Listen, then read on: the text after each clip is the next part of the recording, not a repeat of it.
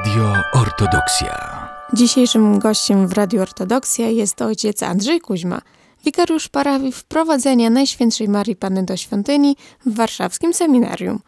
A porozmawiamy o tygodniu modlitw o jedność chrześcijan i o ekumenizmie. Ojcze, jak wygląda to postrzeganie ekumenizmu z prawosławnej strony? Mm, Witam panią redaktor, witam wszystkich słuchaczy, sława Jezusu Chrystu. Ekumenizm, po pierwsze, jest to wyrażenie dosyć takie szerokie e, i trzeba byłoby gdyby określić albo spróbować określić, co my rozumiemy pod pojęciem ekumenizmu, e, dlatego że pod tym pojęciem są rozumiane różne zdarzenia i różne tendencje dotyczące współpracy, dotyczące modlitwy, dotyczące jedności chrześcijan cały czas. e, Tutaj mówimy o gdyby dotyczących podziału chrześcijan i w tym wypadku dotyczących e, gdyby dążeń, dążeń ekumenicznych czy działań ekumenicznych, w znalezienie pewnej formy współpracy albo też formy mm, szukania jedności chrześcijaństwa, dlatego że w e, istocie tych działań ekumenicznych jest właśnie poszukiwanie jedności chrześcijaństwa, podzielonego chrześcijaństwa w świecie, nie tylko w Polsce, ale to dotyczy przede wszystkim y, podzielonego świata chrześcijańskiego w kontekście y, no, dzisiejszego rozumienia świata, tak? nie tylko Europy, nie tylko Ameryki, nie tylko innych kont- kontynentów. Dzisiejsze chrześcijaństwo od właściwie V wieku V wiek jest to pierwszy taki okres, kiedy następuje pierwszy znaczący podział, natomiast e, ogro, ogromny podział następuje w, w XI wieku. Chrześcijaństwo zachodnie dzieli się w XVI wieku. A więc ten problem dotyczy nie tylko Polski, on dotyczy całego, całego świata chrześcijańskiego. Natomiast e, ta inicjatywa, która jest e, tworzona przez Polską Radę Ekumeniczną, tydzień modlitw o jedność chrześcijan na początku stycznia, ona nie jest tylko inicjatywą związaną z Polską, z terytorium Polski. To jest inicjatywa międzynarodowa. W wielu środowiskach, w wielu e, państwach, bo to chyba chodziłoby bardziej o środowiska właśnie takie związane z konkretnym państwem, gdzie działają różne organizacje e, i skupiają różnych chrześcijan, prawda? I te właśnie organizacje właśnie na, na bazie e, współpracy chrześcijańskiej organizują te spotkania. E, I te spotkania są w, w Niemczech, we Francji, w, w, Belgii, w Hiszpanii, w Portugalii, we Włoszech. Właściwie podejrzewam, że też na innych kontynentach. No, przede wszystkim chodziłoby o Amerykę. Mm, natomiast, prawda, to jest jak gdyby nasza inicjatywa, nasze tutaj działania związane z Polską Radą Ekumeniczną i z, w tym kontekście e, z naszą cerkwią, prawda, związane są w, z takim projektem ogólnym E, międzynarodowym. Tyle mógłbym powiedzieć o jak gdyby e, istocie czy tygodniu, tym tygodniu modlitw, prawda? Natomiast jeśli chodzi o e, nasze rozumienie prawda, tej jedności, to ja myślę, że w, naszej, w ciągu naszej roz, rozmowy prawda, postaram się odnieść do ważnego dokumentu, który został przyjęty na ogólnoprawosławnym Soborze Prawosławnym, właściwie lepiej byłoby powiedzieć na Wielkim Soborze Kościoła Prawosławnego, który miał miejsce w 2016 roku na Krecie. Mm, tam zostało przyjętych osiem dokumentów różnych zagadnień i właściwie nie ma takich wielu tematów, co do których cała całe prawosławie wypowiada się prawda, jednym głosem. Właśnie e, w kontekście relacji między, między chrześcijanami powstał taki dokument, który się nazywa Relacje Cerkwi Prawosławnej z pozostałym światem chrześcijańskim i właśnie on ten dokument e, odzwierciedla w pewien sposób nasze rozumienie ekumenizmu, nasze postrzeganie dialogu z innymi chrześcijanami, poszukiwanie jedności z innymi chrześcijanami. Więc e, to jest bardzo ważny dokument. do którego e, zachęcam tych, którzy w jakiś sposób e, interesują się współczesnym prawosławiem. Ten dokument jest opublikowany w Cerkiewnym Wiestniku. W 2016 roku był opublikowany w numerze czwartym. Jest też dostępny w formie elektronicznej. Nasza cerkiew prawosławna jest zaangażowana w, w działalność Polskiej Rady Ekumenicznej. Cerkiew jest zaangażowana y, nie tylko w działalność y, Polskiej Rady Ekumenicznej, oczywiście jest jednym y, z członków Polskiej Rady Ekumenicznej.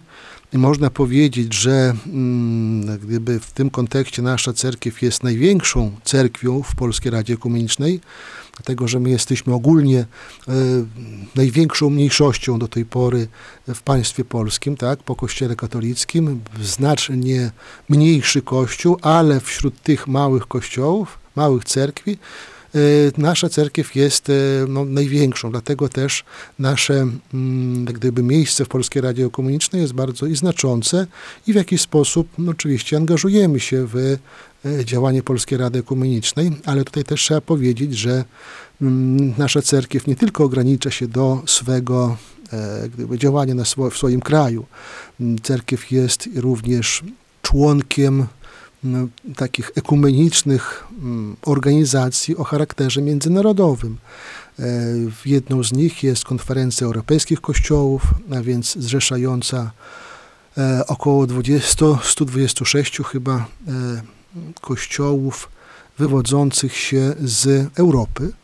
Tak, to jest e, Konferencja Europejskich Kościołów i jest też członkiem Światowej, e, Światowej Rady Kościołów, a więc dotycząco już tutaj gdyby takiego globalnego wymiaru, również zrzeszających wiele, wiele kościołów z różnych tutaj kontynentów. No tutaj już my jesteśmy niewielkim kościołem, nasze zaangażowanie jest prawda? Jest nasze świadectwo, jest nasza obecność w jakiś sposób podkreślana, działania są podkreślane. Więc tutaj działania naszej cerkwi, czy aktywność cerkwi w kontekście relacji z innymi chrześcijanami jest bardzo żywa i na tym e, poziomie państwowym, czy państwowym krajowym, tak trzeba byłoby powiedzieć, czyli Polski, jak też i na e, poziomie międzynarodowym. Wiemy, ojcze, że wy studiowaliście i w Paryżu, i w Szwajcarii, więc macie takie bardziej y, globalne postrzeganie na właśnie temat ekumenizmu. Z jakim stosunkiem ludzi do ekumenizmu spotkaliście się w Polsce i na świecie? E, bardzo różnym. Po pierwsze, ja myślę, że my tutaj w Polsce mieszkając, będąc mniejszością, bardzo często mm, czujemy ten gdy, tą, tą siłę Kościoła Wielkiego, Kościoła rzymskokatolickiego. E, rodzi się w pewien sposób e, taka mm, i presja. Może dzisiaj już ona jest mniej widoczna, natomiast jeszcze 20 lat temu ona była więcej widoczna.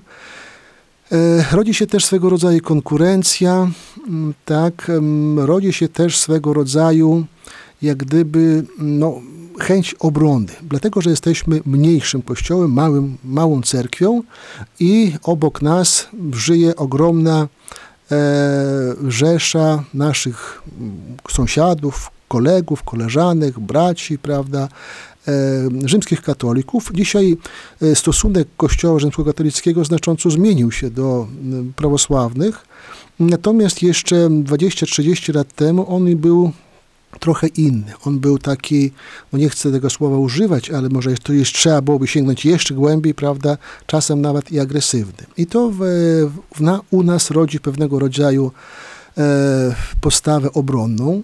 I z, takim, z takimi odczuciami w swoim czasie ja pojechałem do zagranicy. Najpierw to była Francja, rzeczywiście.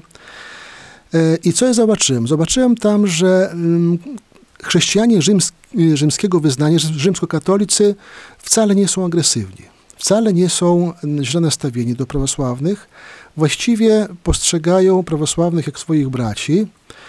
E, I z czym to jest związane? Związane jest to z tym, że Kościół na Zachodzie, Kościół zachodni, czy to protestancki, czy rzymskokatolicki, przeżywa swego rodzaju kryzys. On już trwał wiele lat temu i te kościoły opustoszały. I ja wtedy zobaczyłem, że te, mm, prawda, ta historia zachodniej Europy, bogata historia, dlatego że zachodnia Europa są, to są chrześcijanie sprzed podziału, a więc e, na przykład na terenie czy Francji, czy Szwajcarii, czy Niemiec, od Włoch odnajdujemy szereg naszych wspólnych świętych, e, którzy właściwie wraz z przyjazdem prawosławnych w XX wieku na nowo ożyli, dlatego że to było gdyby odkrywanie na nowo właśnie tej więzi z pierwszego tysiąclecia. I ja zauważyłem, że ta więź i ta historia chrześcijaństwa gdzieś zanika, upada. Ja zacząłem inaczej patrzeć, postrzegać e, katolików. Nie w kontekście e, konkurencji, nie w kontekście e, jakiejś takiej e, zaborczości, a mm, w, zacząłem współczuć, dlatego że Kościół jak gdyby no, traci swoją ważność, traci swój autorytet, wiernych Kościoły opustoszeją i właściwie e, no, rodzi się takie odczucie, że to szkoda tego. Więc e, to było takie ważne dla mnie, zetknięcie się z kulturą zachodnią, z chrześcijaństwem zachodnim w kontekście takiego e, gdyby szukania wspólnego języka. Oni są bardziej otwarci, oni są jak gdyby nastawieni na tą wspólnotę. Pamiętam kiedyś jako student w czasie wakacji pracowałem w różnych miejscach i tak się zdarzyło, byłam na kiedyś stróżem domu, bloku takiego, a następnego jeden z, pan, jeden z mieszkańców tego bloku zapytał mnie, czy ja mógłbym zastąpić stróża w kościele, takim e, rzymskokatolickim, to było pod Paryżem, w Antoni. I ja myślę, czemu nie? No więc poszedł, poszliśmy razem do proboszcza, przedstawił mnie, ten pan już znał gdyby mnie z opieki nad budynkiem i ten ksiądz bardzo ciepło mnie przyjął. Mało tego, tam się okazało wielu e, świeckich, świeckich osób, którzy byli zaangażowani w taki ruch ekumeniczny, może to jest zbyt wielkie słowo, ruch ekumeniczny, zaangażowani w tą otwartość wobec prawosławia i pamiętam taki jeden z e, właśnie takich świeckich, taki e, pan, który przychodził na zajęcia, okazuje się do nas, do instytutu, mówi, chodź, pokażę ci pewne miejsce. Zaprowadził mnie w pewne miejsce w kościele, w tym, gdzie ja, który ja później pilnowałem i mówi, wiesz, to jest nasze wspólne miejsce nie bardzo rozumiałem o co chodzi. Okazuje się, że to było miejsce zbudowane, powstało jeszcze w VIII wieku, a więc do podziału chrześcijaństwa. I gdyby on z takim, z miłością taką i z takim odczuciem mm, jak gdyby mm, radości powitał mnie, że tam będę pracował w tym kościele przez 5 czy 6 tygodni, tak? i pokazując to, że my mamy tutaj miejsce wspólne. A więc e, te doświadczenie z otwartością nauczyło mnie mm, jak gdyby patrzeć inaczej na świat chrześcijański współczesny, podzielony. W Szwajcaria jest to już inny gdyby wymiar, dlatego że o ile Francja jest przede wszystkim kraj, albo była przede wszystkim krajem rzymskokatolickim, to Szwajcaria jest to kraj protestancki, o różnych tradycjach e, reformacji kalwińskiej przede wszystkim, ta część francuskojęzyczna i e, związanej z Zwinglim, ta e, część niemieckojęzyczna prawda? No, protestanci y, trochę inaczej nas postrzegają, ale nigdy nie odczułem jakiejś e, antypatii czy jakiejś niechęci. Wręcz przeciwnie, a to była nasza taka studencka inicjatywa. Organizowaliśmy spotkania naszych studentów prawosławnych z studentami z mm, fakultetu e, w Genewie protestanckiego. Zawsze to były takie spotkania budujące i ważne. No więc mm, te postrzeganie chrześcijan, którzy są w wielkiej mniejszości na Zachodzie, nauczyło mnie, gdyby patrzeć na nich e, inaczej. Na, już ja patrzyłem inaczej na mm, katolików w Polsce, tak, e, i dzisiaj katolicyzm w Polsce też się zmienił znacząco. E, jest większa otwartość, jest większe zrozumienie, e,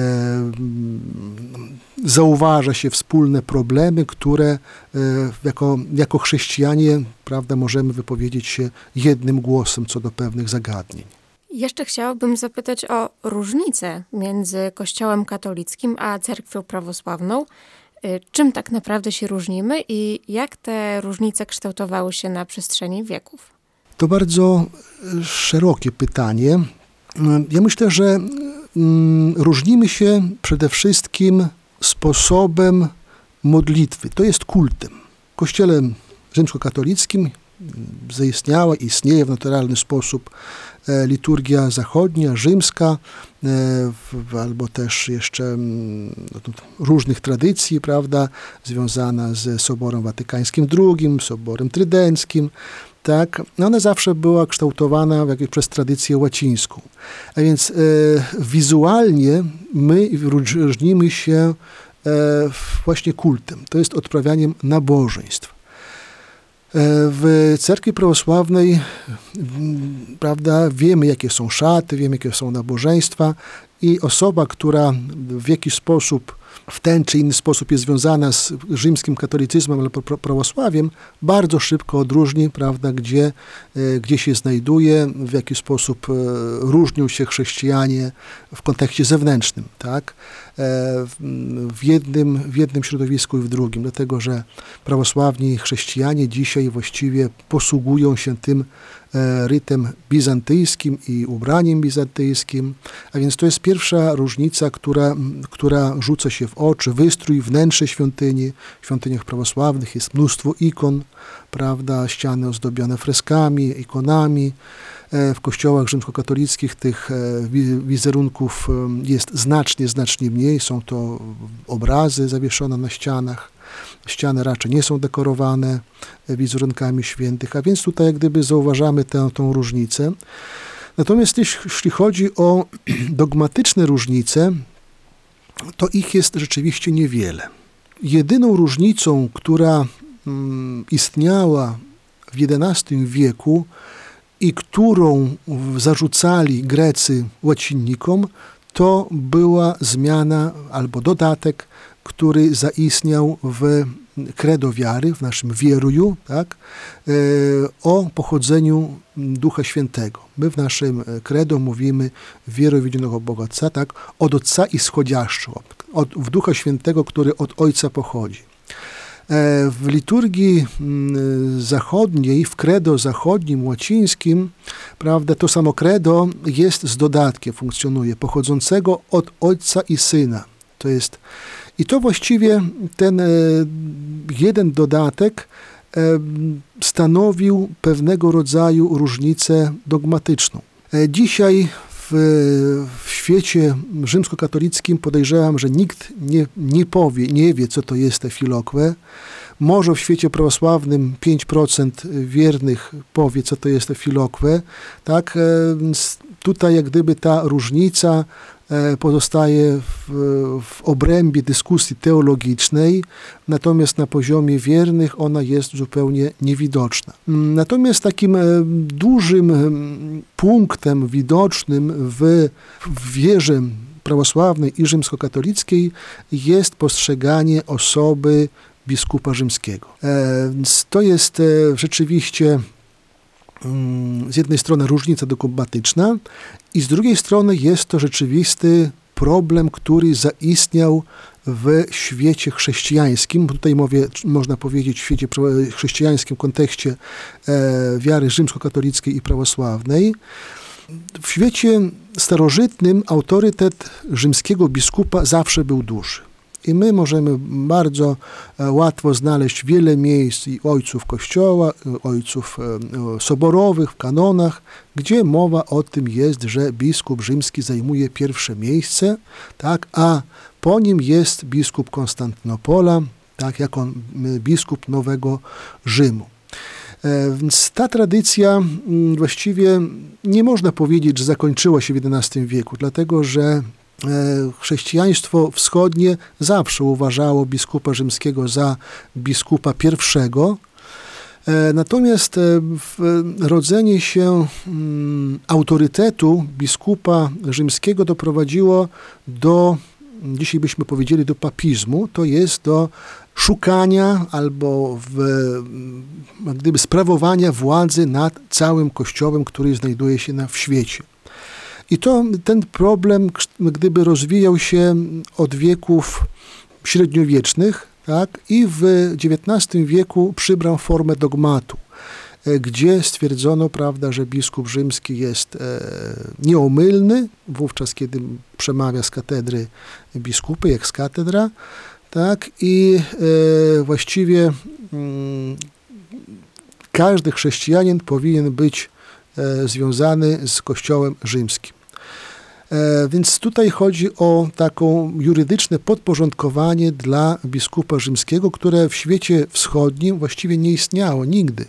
Autorytet biskupa rzymskiego jak najbardziej istniał. E, szacunek jak najbardziej, oczywiście pierwsze miejsce, natomiast nie sprawowanie władzy jurydycznej nad całym Kościołem.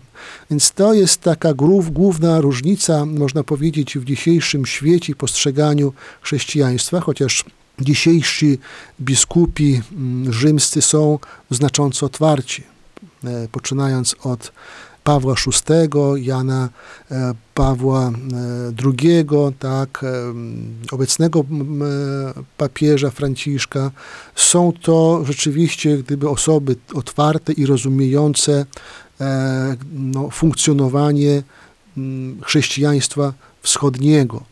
E, i ten wątek jak gdyby narzucania tak, władzy papieskiej absolutnie w, w dzisiejszych czasach nie istnieje. Jako pewnego rodzaju dogmat, owszem, w Kościele Rzymskim istnieje, tak, ale ten dogmat właściwie też nie jest do końca tak mm, honorowany w samym Kościele Zachodnim. Jest, jest, prawda, w naszym środowisku polskiego Kościoła Rzymskokatolickiego może bardziej jest podkreślany, ale w tych zachodnich środowiskach już może tak aż tak mocno nie jest podkreślany. Oczywiście tutaj jeszcze można byłoby mówić o różnicach y, y, liturgicznych, które zostały wprowadzone, świąt, czyli w naszej tradycji uśnięcie Bożej Matki Bożej, tak, natomiast y, w, w tradycji zachodniej w niebo wzięcia można tutaj byłoby też inne wprowadzone święta w tradycji łacińskiej, jak um, niepokalane poczęcie, prawda, to są takie różnice dogmatyczne, które zaistniały już w tym dru, w w drugim tysiącleciu, no i no, doprowadziły co prawda do, do jeszcze bardziej odsunięcia się w kontekście dogmatycznym. Na stronie Polskiej Rady Ekumenicznej odnośnie Tygodnia Modlitw o Jedność Chrześcijan 2023 możemy wyczytać hasło tego tygodnia. Jest to hasło, które brzmi Czyńcie dobro, szukajcie sprawiedliwości. Pochodzi ono z księgi Izajasza. Czy możecie, ojcze, trochę rozwinąć te słowa? Myślę, że te słowa dotyczące czynienia dobra, e, tutaj one pochodzą akurat z Pisma Świętego, z Starego Testamentu, one dotykają e, każdego człowieka, nawet tego, który jest e, niewierzący. Tak? Zwykłej ludzkiej etyki wynika potrzeba czynienia dobra innemu człowiekowi. Natomiast człowiekowi, który uważa się za chrześcijanina, mm, te słowa z jednej strony są naturalne, a z drugiej strony one przypominają o tym, że każdy człowiek, który żyje, który jest nosicielem e, obrazu i podobieństwa Bożego, e, więc tej nici, która łączy człowieka z Bogiem, tworzy w jakiś sposób szczególną więź z całym rodzajem ludzkim. A więc w tym wypadku każdy człowiek, czy to będzie wierzący, czy to będzie niewierzący, czy to będzie prawosławny, czy nieprawosławny, czy innej religii, jak gdyby jest człowiekiem, który nosi w sobie obraz i podobieństwo Bo y, Boże. I e, z tego też wynika mm, właśnie potrzeba postrzegania drugiego człowieka jako osoby, która jest naszym bratem, który jest też tworzeniem Bożym. Każdy, każdy człowiek jest tworzeniem Bożym i dlatego też e, te nawoływanie do czynienia dobra i gdyby pomagania jedny, jedny, jedni drugim, ono dotyczy naszego życia cywilnego czy świeckiego, prawda, w naturalny sposób sąsiad sąsiadowi czyni dobrze, tak, ale kiedy jesteśmy chrześcijanami, kiedy posługujemy się Ewangelią, to już wówczas nie tylko jak gdyby czynimy jeden drugiemu dobro. Chrystus nawołuje nas, abyśmy kochali swojego bliźniego. Mało tego, On nawołuje do tego, aby, abyśmy kochali swego wroga. Tak? To jest rzecz dosyć taka i nazwijmy to nienaturalna, niemniej jednak jest to rzecz, którą, którą, do której zaprasza nas Chrystus i jest ona bardzo e, żywa i ważna. Natomiast w tym fragmencie Ewangelii, który mówi o kochaniu wrogów, mowa jest o tym, abyśmy e, czynili innym ludziom tak, jakbyśmy chcieli, aby ci ludzie czynili dla nas. To jest, jeśli ja chciałbym, aby inni mnie szanowali, jeśli ja chciałbym, aby inni szanowali moją religię, moje obyczaje, moją historię, to ja pierwszy powinienem szanować ich obyczaje, ich religie, ich zachowania. Oczywiście, jeśli one nie przeczą jakimś tam takim ogólnoludzkim normom już, prawda, czy mm, tym bardziej normom chrześcijańskim. E, więc w tym wypadku jest to czynienie dobra, wspomaganie drugiego człowieka jest zadaniem ewangelicznym, zadaniem, które powtarza się w Starym Testamencie, które mm, w Nowym Testamencie nabiera jeszcze większego wymiaru i ważniejszego wymiaru. Mm, natomiast dla mnie się bardziej osobiście podoba ta tak zwana złota droga. Ojcowie cerkwi mówią, że to jest złota droga. Jeśli chcesz, aby ktoś odnosił się do ciebie w sposób właściwy, to ty najpierw sam odnieś się do niego w ten sposób. A więc e, to, co my E, zaproponujemy czy włożymy miłość wobec drugiego człowieka, to wówczas te dobro również może i obrócić się do nas, w naszą stronę. I ten hasło, hasło tego tygodnia, mm, prawda, nawołuje właśnie do czynienia dobra, pomagania drugiemu człowiekowi, a w ten sposób drugi człowiek nam również czyni to samo. Agresja rodzi agresję. Miłość rodzi miłość. To są bardzo proste zasady. Dzisiaj obserwujemy świat i my doskonale widzimy właśnie ten, ten wątek agresji, która rodzi się z agresji, natomiast szukamy, potrzebujemy miłości, która e, byłaby odwróconą jak gdyby w kierunku tego drugiego człowieka, czyli nam czy innym, innej osobie, abyśmy ułożyli swoje właściwie życie. Każdy dzień tej ekumenicznej oktawy ma swój poszczególny temat. Na przykład uczcie się postępować dobrze, bądź y, gdy sprawiedliwości stanie się zadość, bądź jeszcze oto łzy znękanych. Chciałabym zapytać, jak te tematy przenoszą się na życie, w, na życie w praktyce? Czy są to tematy do spotkań, które są odbywane w te poszczególne dni? Właściwie na takim poziomie mm, Polskiej Rady Ekumenicznej. W praktyce są to e, nabożeństwa w e, świątyniach, mm, w kościołach różnych tradycji wyznaniowych. E, I właściwie mm, jest to hasło dnia, które dominuje w danym kościele, w danym e, dniu, w danym kościele.